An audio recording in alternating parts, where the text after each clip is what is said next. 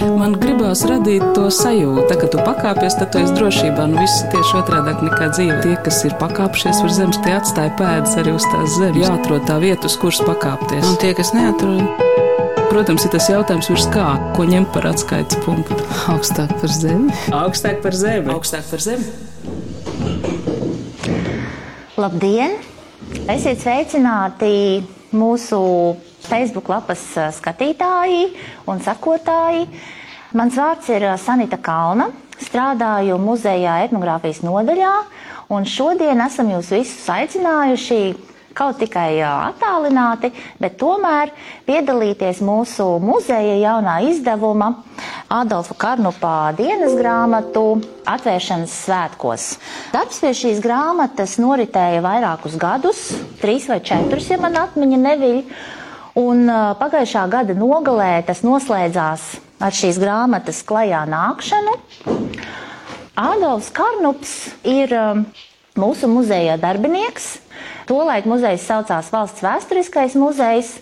Un, uh, viņš tajā nostrādāja gandrīz 20 gadus, līdz 1946. gadā viņu arestēja un apsūdzēja valsts mantas izsaimniekošanā. Viņš ir dzimis 1904. gadā, studējis Latvijas Universitātē vēsturi mazliet pastudējis arī. Esiet sveicināti! Janvāra beigās Latvijas Nacionālā vēstures muzeja Facebook lapā notika muzeja jaunākā izdevuma Ādolfa Karnupa dienas grāmatas 1941.46. gads atvēršanas svētki. Un savā ziņā tas ir simboliski, ka ar grāmatu mūs iepazīstina Sanita Kalna, muzeja patreizējā etnogrāfijas nodaļas vadītāja un arī grāmatas komentāra autore. Mans vārds ir Anda Buševica, un sekojošajā sarunā ar Sanitu Kalnu, taču jo īpaši ar Arni Radiņu, muzeja direktoru un arī grāmatas pēcvārdu autoru, stāstot par muzejnieku Adolfu Karnupu un notikumiem muzeja vidē Otrā pasaules kara laikā, sarunā vairāk kārt atkārtojas vārds mēs tā sasaistot 1924. gadā dibināto valsts vēsturisko muzeju ar mūsdienām. Līdz šim Ādolfa Karnupa dienas grāmatas arī glabājušās ir Latvijas Nacionālā vēstures muzeja fondos.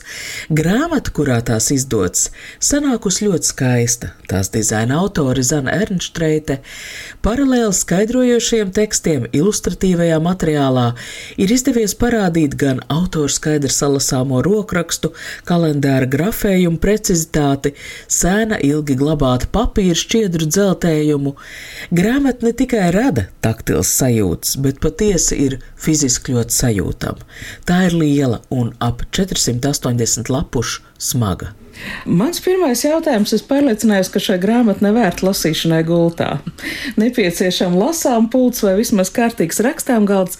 Sakiet, veidojot šo izdevumu, kam jūs to adresējat, ko jūs iedomājaties par savu lasītāju? Kad mēs izdodam savas grāmatas, manuprāt, mēs jau izdodam to plašam lasītāju lokam. Mēs izdodam pētniekiem, lai viņiem tas avots būtu pieejamāks, lai viņiem nebūtu jāskrien uz bibliotēku vai uz, uz muzeju arī studentiem un jebkuram vēstures interesantam. Un es domāju, nu, tā ir jābūt tādai grāmatai, ko nevar uh, lasīt uh, tāpat rokās paņemot, bet jānoliek uz galda, jo nu, tas ir kaut kāds pamats plašākiem pētījumiem.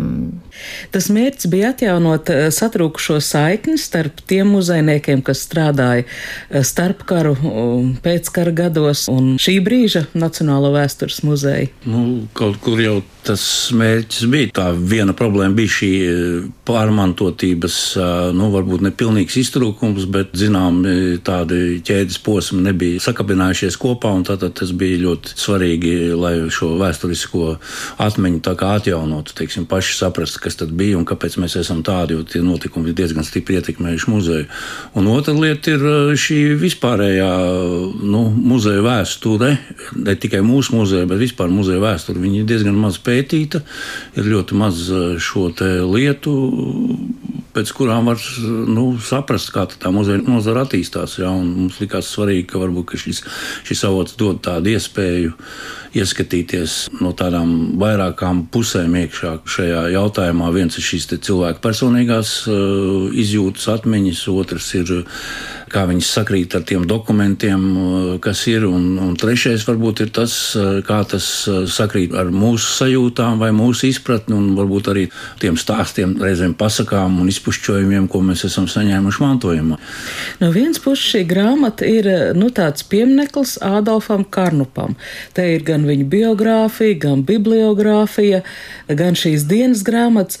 No otras puses, nu, šīs dienas grāmatas nav tādas nu, lasāmās. Tas ir būtībā dienu plānotājs, kur katrā dienā ir nu, kaut kādas atzīmes, sākot ar sāk snikt un beidzot ar šodien mēs, eh, nezinu, pārkrāmējam tādu un tādu vitrīnu.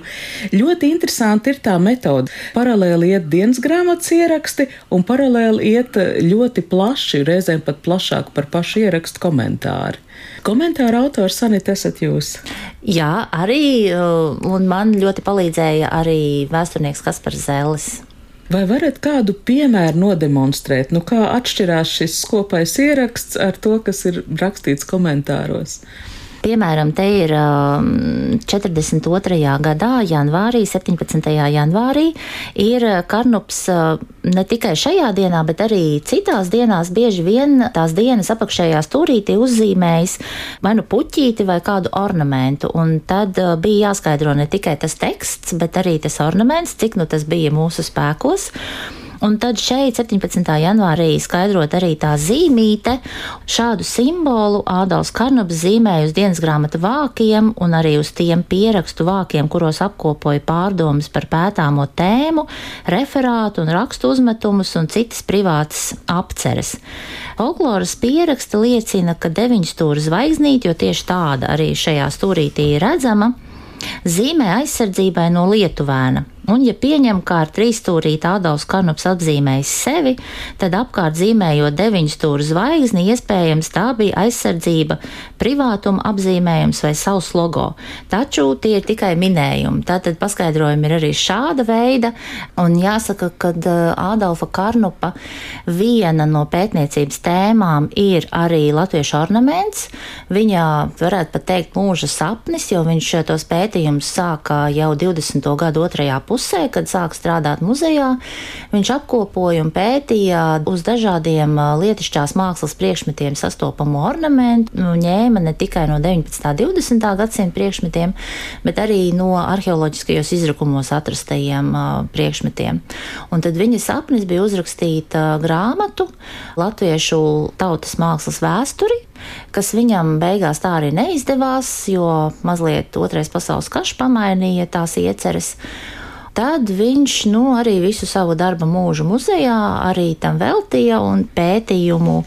Nu, tāda gaita atspoguļojas arī dienas grāmatā, kad viņš kaut kur kaut ko iezīmē no šiem rakstiem etnogrāfa arheologa Adolfa Karnupa dzīves gājumu iezīmē gada skaitļi no 1904. līdz 1973. gadam. Tik tikko, sākot interesēties par viņu personību, iemetot internetu meklētājā viņu vārdu, pirmās norādes izlec uz atmodas gados pārizdotajām 30. gados tapušajām burtnīcām. Tajās aprakstīt novada tautas tērpi. Tās drīzāk ir praktiski padomu burtnīcas, jo Latvijas laikā Adolfs Karnups lasīja lekcijas Ateķeneņa vadītajā Krišāņa barona tautas augstskolā, Latvijas sieviešu Nacionālās līgas rokdarba skolā. Taču viņš ir arī apzinājis, zīmējis Latvijas pilskalnus un pats vadījis arheoloģiskos izrakumus Raunas tanī Anīskalnā un Talsu pilskalnā. Viņš bija labs zīmētājs, jo arheologam ir jāprot zīmēt. Viņš ir arī studējis Mākslas akadēmijā pāris semestrus, un tas viņam ļoti, ļoti palīdzēja viņa darbā, gan etnogrāfa darbā, gan arheologa darbā. Mums ir arī vairākas gleznas saglabājušās no, Pilskalna no Kārna. Pavisam trīs, vai ne? Trīs, jā, romantisks, jā, bet viņš ir daudz vairāk zīmējis, jā. Jā, jo dienas grāmatā arī atklājas, ka viņš zīmē Madonas muzejam, viņš zīmē vēl kādam privāti, tā kā viņam tas ļoti ļoti patika. Tīri fiziski šīs dienas grāmatas joprojām glabājas Nacionālā vēstures muzeja fondos. Jā, tā ir. Un mazliet mēs tajās ilustrācijās varam gūt priekšstatu, cik tomēr skaisti ir izzīmēti datumi. Tās ir pašdarināts burtnīcas. Burtnīcas ir pašdarināts, jā, nemācēšu teikt, vai viņš pats tās ir iesējis, sašuvis, bet sagrafējis noteikti. Viņš ir sazīmējis katrā atvērumā norobežojis katru dienu ar savu līniju, iezīmējis datumu atsevišķā kvadrātiņā, dienas vietiņā, tad arī rakstījis tajā dienā plānoto, izdarīto personas, ar kurām plānots tikties.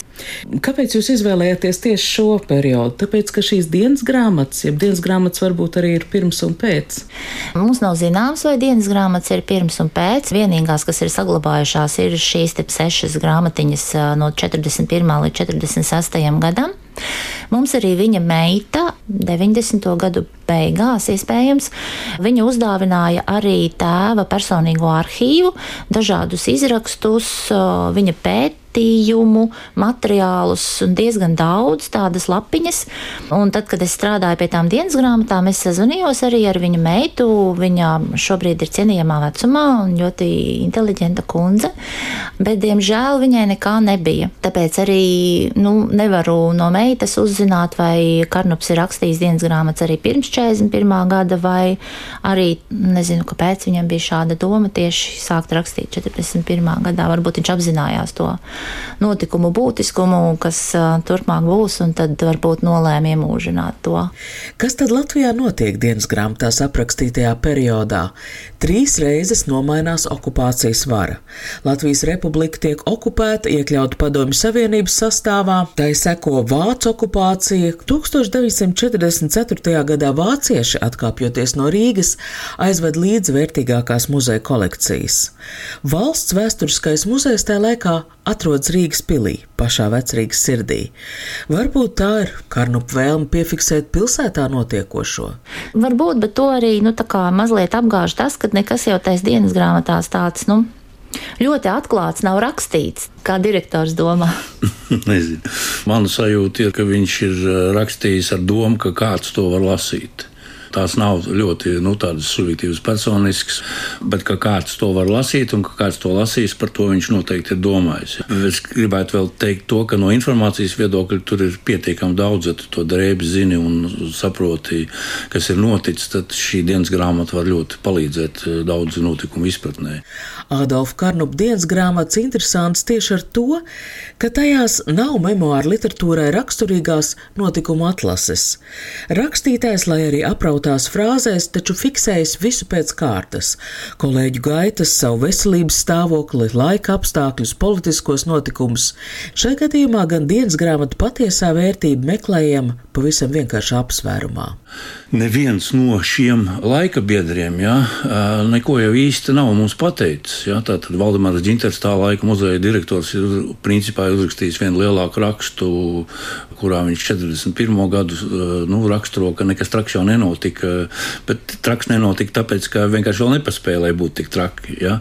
Pa kara laiku viņš neko nav rakstījis par savu darbību. Vēl viens avots ir, kur Lūcija Vankina, kas uh, ir šo kara laika notikumu atslieciniece ir uzrakstījusi arheoloģijas nodaļas vēsturi, kurā viņa jau kā no tāda pētnieka vai zinātnieka viedokļa absolūti cenšoties būt eh, cilvēkam no malas, kaut tu esi notikumu liecinieks, eh, mēģina pateikt. Nu, tur ir tāds teikums, ka, un, un tad izrādījās, ka daļa no priekšmetiem ir, eh, nu, muzeja eksponātiem ir paslēpti, ja, un atvēra lipu šahtu, un tur bija iekšā, nu, ekspozīcijas labākās mantas, teiksim, jā, izlas, jā.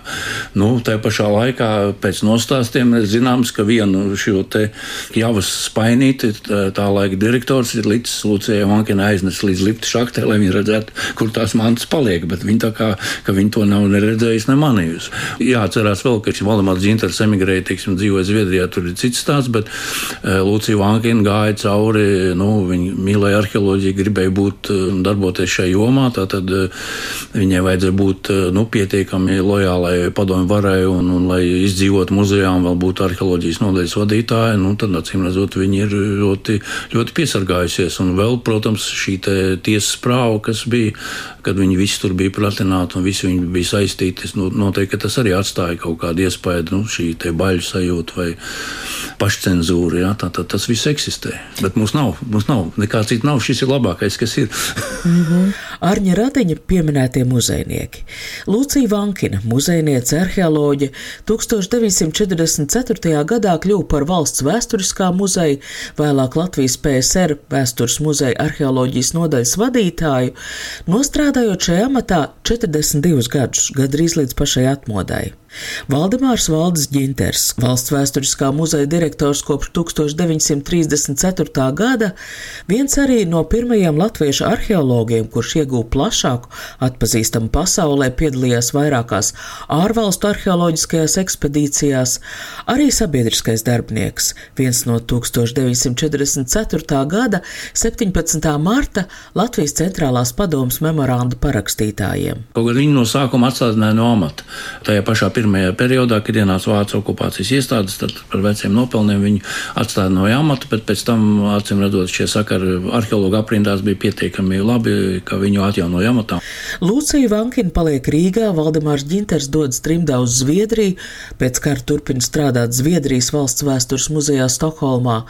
Pateicoties Kristīnas Žēlves filmai un romānam, mums tagad ir zināms vēl viens valsts vēsturiskā muzeja darbinieces Mērijas Grīnbergs stāsts stāsts, kur dodas līdzi no Latvijas evakuētajām muzeja vērtībām un atved arī tās atpakaļ. Adolfs Karnubs bieži viņu piemin savās dienas grāmatās, gal galā viņi ir kolēģi etnogrāfijas nodaļā.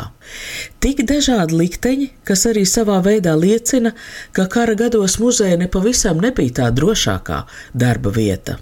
Arņa Radiņa jau pieminētā 1946. gada tiesas prāva iznīcina Adolfa Karnupa zinātnieku karjeru.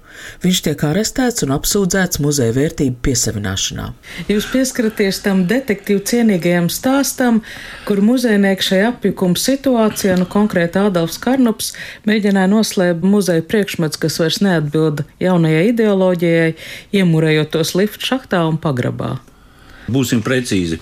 Tajā nozīmē, ka e, tad, kad viņi to slēpa, tā bija slēpšana no izlaupīšanas. Tas nebija ideoloģiski. Tajā brīdī viņi vēl nebija sadūrušies ar šo faktu, kad e, vēl nebija galvenā literatūras pārvalde, nebija parādījusi, vai padomju var nebija parādījusi, ka šīs mantas ir jā, jāizņem ārā. Ja? Tas, kas notika pie varu maiņas, teiksim, 40. gadā, ir tas, ka šīs muzeja organizācijas, kas tika likvidētas, tātad muzeja bija viena vieta, kur šīs vērtības nodeva. Otrs bija stāsts par to, ka e, tiešām likvidēja kara muzeju, bet šīs kara muzeja mantas tātad nevis tajā brīdī iznīcināja, bet atdeva sadalīt starp e, topošo revolūcijas muzeju un, e, un šo te dzimtenes pētīšanas muzeju. Tātad tur bija arī šīs armijas vērtības karogi. Tikko aprakstītajos juku laikos ne tikai Karnups, vairāk muzeja darbinieki glāba un slēpa no citiem muzejiem pārņemtos priekšmetus, iemūrējot tos Rīgas pils lifta šahtā un pagrabā, jo īpaši priekšmets, kas saistījās ar Latvijas valsts vēsturi un kurus saglabāt negrasījās neviena no okupācijas varām. Taču slēpa arī latviskas senlietas, un viens no apsvērumiem, kas lika tā darīt, bija vācu okupācijas varas izteiktā vēlme Latvijas muzeja vērtības evakuēt. Tātad e, šos te sarakstus sastādīju, šos priekšmetus e, izveidoju. Tātad tā bija gan arheoloģiskās tekstīlijas, gan arheoloģiskās senlietas. Tiksim, tātad tas viss tika iepakots kastēs un aizvests prom. Kāpēc tieši Latvijas muzeja priekšmeti tika evakuēti?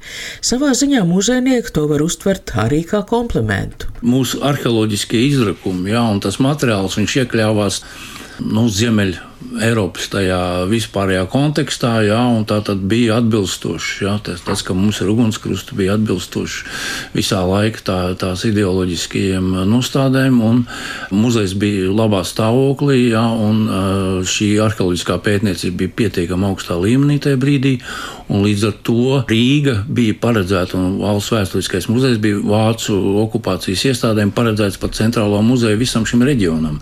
Tas ieskaitot Baltkrieviju, Igauniju. Igauniju, Lietuvu. Te vajadzēja radīt jauno centrālo muzeju. Teiksim. Līdz ar to arī šī Latvijas muzeja, šo vēstures muzeja attīstība, zināmā mērā izējot no tā, palika. Nu, uh, viņi, viņi turpināja darboties. Mēs veicām arī kara laikā arheoloģiskos izrakumus, lai cik tas uh, jocīgi nebūtu. Teiksim. Tā tad ir fronte, bet brauc uz Mežonas pilskalnu raktu vai Pētera baznīcu.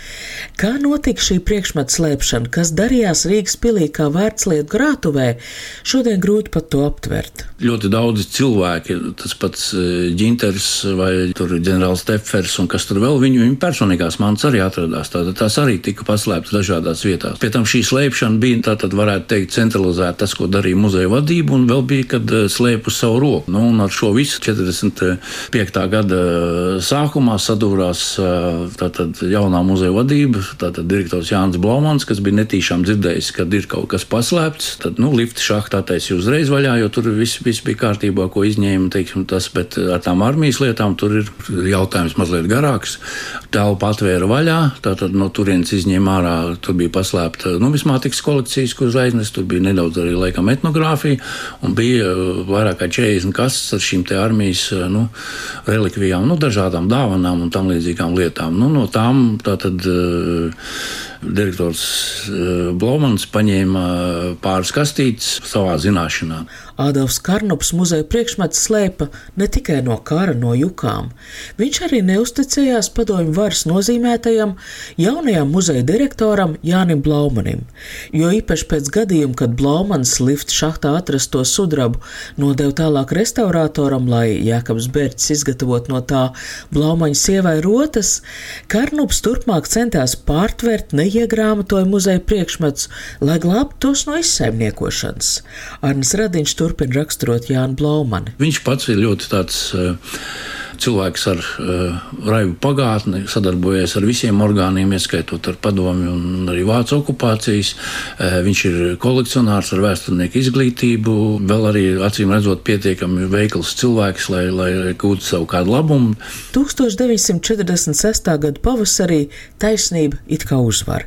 Tiek ierosināta krimināla lieta pret Jānu Blaumani, bet arī pret Adolfu Karnupu, pat Mēriju Grīnbergu vecāko, Grosvaldu vecāko meitu, vietu, kurai Latvijas laikā piederēja Lietuvas mākslas salons, lepnajā namā pretīm operai, un padomu laikā nācās meklēt jaunu pielietojumu Grosvaldu pēc padomu varas standartiem pārāk plašajam dzīvoklim. Mērija Grīnberga vecākā ir izīrējusi šim te muzeja direktoram Jānim Blaumanim divas istabas muzeja laboratorijas iekārtošanai savā dzīvoklī, kurā atrodas Jāņa Blaumaņa ievilktās mantas un nekāda muzeja laboratorija nav. Tik. Mērija Grīnbergai vecākajai tiek piespriesti trīs gadu cietumā. Sots vēlāk tiek mīkstināts. Šai pašā prāvā notiesā arī Adolfu Karnupu. Vispirms viņam piesprieda nāves sodu, vēlāk to aizstāja ar desmit gadiem ieslodzījumā. No Astrahaņas Adolfs Karnups atgriežas tikai 1955. gadā un līdz mūža beigām nostrādā Paula Stradiņa vadītajā medicīnas vēstures muzejā. Un uz šī fona, teiksim, Adolfs Karnups kā ļoti godīgs cilvēks cilvēks centās pasargāt no šiem procesiem tās lietas, kas viņam likās ļoti svarīgi. Tur etnogrāfiskās saktas vai darbs, teiksim, kā, un rezultātā tātad godīgs cilvēks tika ierauts diezgan tādā, nu, sociāliskā īpašuma izlaupīšanā, kā toreiz rakstīja laikraksts cīņa. Nu, te ir vairāk, es te pašķirstīju, te sākot jau no jūnija, katru dienu Karnups ir rakstījis tērpa iesaiņošanu, nākamajā dienā tērpa iesaiņošanu, pēc tam vēl tērpa iesaiņošanu, krāsu fotografēšanu. Interesanti mums arī par tavu krāsu fotografēšanu. Mums uh, nesen uh, mēs no ģintera radiniekiem atguvām, nevis atguvām, bet viņi mums uzdāvināja krāsu fotonegatīvus un diapozitīvus, kuros arī atklājās, ka ir daļa no tiem ir Karnupa dienas grāmatās aprakstīto krājumu priekšmetu fotografijas, kas tiek fotografētas nu, pirms iepakošanas un izvešanas uz vācu. Vāciju. Bet no šiem ierakstiem pakojam tērpus, izsacināt visu to stāstu, ka notiek uh, milzīga muzeja evakuācija uz, uz nu, Čehiju. Nu, ir arī mazliet konkrētāki ieraksti, ja, kad um, tādā tām. Bet... kur tiek norīkoti arī pavadoņi, un kuģis ir atcelts. Nu, piemēram, 26. augusts ir ieraksts sekojošs sestdiena, pulkstens 8 no rīta. Dzelskalējs paziņo direktoram Ginteram, ka pulksten 10. evakuēs visas VVM mantas uz Vāciju. Pulksten 10.20 pie Gintera ierodas Dulfers ar Dzelskalēju. Sarunas ar ģenerāldirektoru Dankeru, Dulferu aizliegums Ginteram ar Dankeru runāt latviski. Pulksten 12 desmitos, kad mantu vešanu atļauj Dankers, kuģis ir piekrauts un valsts vēsturiskā muzejā evakuācijai jāgaidot cits kuģis. ap 30. vai 31. augustu. Apmēram tas kuģis varētu būt. Jauns rīkojums par darba laiku darba dienās no 7 līdz 17.30 un svētdienās no 8 līdz 13. Tātad tur ir nu, dažādu jomu fakti gan par evakuāciju, gan par muzeja ikdienas darba laiku. Nu, te ir labi redzams, kā viņi to gumiju stiep. Šis te dzelzkalējs, tas pārstāv tās uh, Rozenberga štābu, kas atbildēja par vērtību evakuēšanu. Viņš pēc tam bija nu, tāds. Uh, antikvārs Amerikas Savienotās valstīs. Tātad, bet, nu, viņš visu laiku ap šīm muzeja mantām arī tur ir uh, spietojis. Bet par tām, kā var zināt, uh, tur, nu, ja, ja mēs zinām, tā tad ir, šī, ir aprakstīts, ko šis karnums darīja, bet ir saglabājušies šie saraksti, ir saglabājušās fotogrāfijas, ir saglabājušās šīs kastes, kur ielika. Nu, līdz ar to, teiksim, tā, to visu saliekot kopā, mēs to ainu, ainu dabūjām, uzbūvējam. Mm. Jā, ja tur ir aprakstīts, ka viena no šīm gumijas stiepšanas paņēmieniem paņēmieniem bija, ka mums vajag vēl kaut ko, mums vajag dzelzi, lai varētu šīs kastes apstīpot. Nu, tad tur ir tālāk kaut kur jābūt tekstam. Jā, tepat tās ir septembrī, 13. septembrī Karnups raksta Grīnberga meklē atļaujas dzelzs stīpi iegādēja valsts vēsturiskā muzeja iesaiņoto šķirstu apstīpošanai. Dzelskalējs nodod valsts vēsturiskajam muzejam 300 kg dzelzs zīmes. Es redzu, ko krauj kastēs. Būtu ārprāts, ja tas pazustu. Prasu, lai ņem mani līdzi. 700 kastes ar Latvijas muzeju eksponātiem un es, 35 gadus vecā, vēsturiskā muzeja darbiniece Mērija Grīnberga. Šis ir fragments no 2018. gada filmas Mērijas ceļojums. Jo Mērijas Grīnbergas stāsts, nu tāds labi izstāstīts stāsts, ir liela vērtība, jo tas it kā ļauj saprast tos paralēli esošos stāsts. Mērijas Grīnbergas devumu var ļoti viegli noformulēt, ka viņa bija tā, kas atved tās kastes uz Latviju. Ko izdarīja Adolfs Karnops? Nu, būtībā viņam nesanāca, varētu teikt. Daļēji. Jā, nu, nē, nu, ja tā skatāmies, jā, protams, viņš, ne viņš noslēpa. Viņš cieta par to, ka viņš mēģināja slēpt. Katra no okupācijas varām, cita starpā, spieda pārrakstīt vēsturniekiem Latvijas vēsturi. Daļa muzeja darbinieku, kā Valdemārs Ģinters, izvēlējās Latviju atstāt. Iespējas bija. Ādolfs Karnups izvēlējās palikt. Viņš būtu iejūties, vismaz viņš mēģināja šajā jaunajā dzīvē atrast savu vietu un, un nodarboties ar to, kas viņam patīk. Jo viņš, piemēram, ir 40, kad tas bija 5. gadā, ir jau 46. kur viņš runā par šo Latvijas etnogrāfijas uzdevumu jaunajos apstākļos. Pirmajā zinātniskā konferencē viņš jau uzstājās ar referātu, teiksim, Latviešu tautas nu, mākslu etnogrāfijas uzdevumu šodien. Varētu teikt, ka viņš bija muzejnieks, kurš tad nemuka, kurš palika uz vietas un nu, kuram bija šīs zināšanas, kurš Jā, zināja, viņš, nē, nē, nu, viņš noteikti bija šī, šīs saite, kas būtu varējis. Nu, diemžēl pēc, pēc tam, kad viņš atgriezās, situācija jau bija tāda, ka viņš sāka strādāt medicīnas muzejā un nodarbojās ar, ar citām lietām. Un tur, acīm redzot, eh, medicīnas muzeja dibinātājs Stradiņš eh, viņam tur izlīdzēja, ka viņš tur varēja tajā muzejā iekārtoties, jā, jo šeit jau vietas bija aizņemtas. Jā, te jau bija muzejā, ko es šobrīd pārstāvu, tur jau bija priekšā jau cita etnogrāfija. Jo man šķiet, šajā stāstā tas atgriešanās moments ir ļoti, ļoti sāpīgs, ka tu atgriezies. Nu, Mērijas Grīnbergas stāstā ir vēl daudzreiz traģiskāk, kur viņa spiež strādāt rūpnīcā. Mērijas Grīnbergas gadījums arī nav tik vienkārši. Mums ir, mums ir radīts zināms šablons, ja, ka tur viss bija tik balts un melns. Mērija Grīnberga bija tā, kuru pēc Karnupā aresta ielika par etnogrāfijas nodaļas vadītāju. Tātad viņa baudīja padomju varas uzticību. Viņi pēc tam ir pietiekami aktīvi darbojusies, braukusi komandējumus uz Maskavu, pat apgūt jaunās zināšanas un tam līdzīgi. Un viņas aiziešana ir, ir, es domāju, ka viņa pati salūza, viņi vai neredzēja nu, kaut kādas iekšējas šīs te. Uz viņu netika izdarīts spiediens, ka viņai kaut kāda ideoloģiska apstākļa dēļ tajā brīdī jāiet prom. Adolf Karnup dienas grāmatas nav lasāms kā memoāra literatūra. Tāpat laikā dienu plānotāja īsajās piezīmēs koncentrēts ārkārtīgi daudz stāstu. Paldies maniem sarunbiedriem, grāmatas komentāra autorei Sanitai Kalnai, pēc vārda, kas iezīmē muzeju un tā reģionālo filiāļu dzīvi, autoram Arnim Radiņam, no jums atvedās arī šī raidījuma veidotāji. Ar jums sarunājās Anda Bušvica, šī raidījuma skaņoperators ir Valdis Raitums. Grāmata ir pamatīga un smaga, patiešām ķieģelis. Tas varbūt ir viens tāds uh, akmentiņš ķieģelītis, uh, kā jūs pašā sākumā teicat, šī Latvijas muzeja vēsture ir diezgan maz pētīta. Arī mūsu muzeja vēsture nav uzrakstīta. Mēs šobrīd mēģinām kaut ko darīt šajā virzienā. Man gribās radīt to sajūtu, ka tu pakāpies, tad tu esi drošībā. Nu, viss tieši otrādi nekā dzīve. Tie, kas ir pakāpšies uz zemes, tie atstāja pēdas arī uz tās zemes. Jāatrod tā vieta, uz kuras pakāpties. Un tie, kas neatrod, Protams, ir tas jautājums, virs kā, ko ņemt par atskaites punktu. augstāk par zemi. Augstāk par zemi. Augstāk par zemi.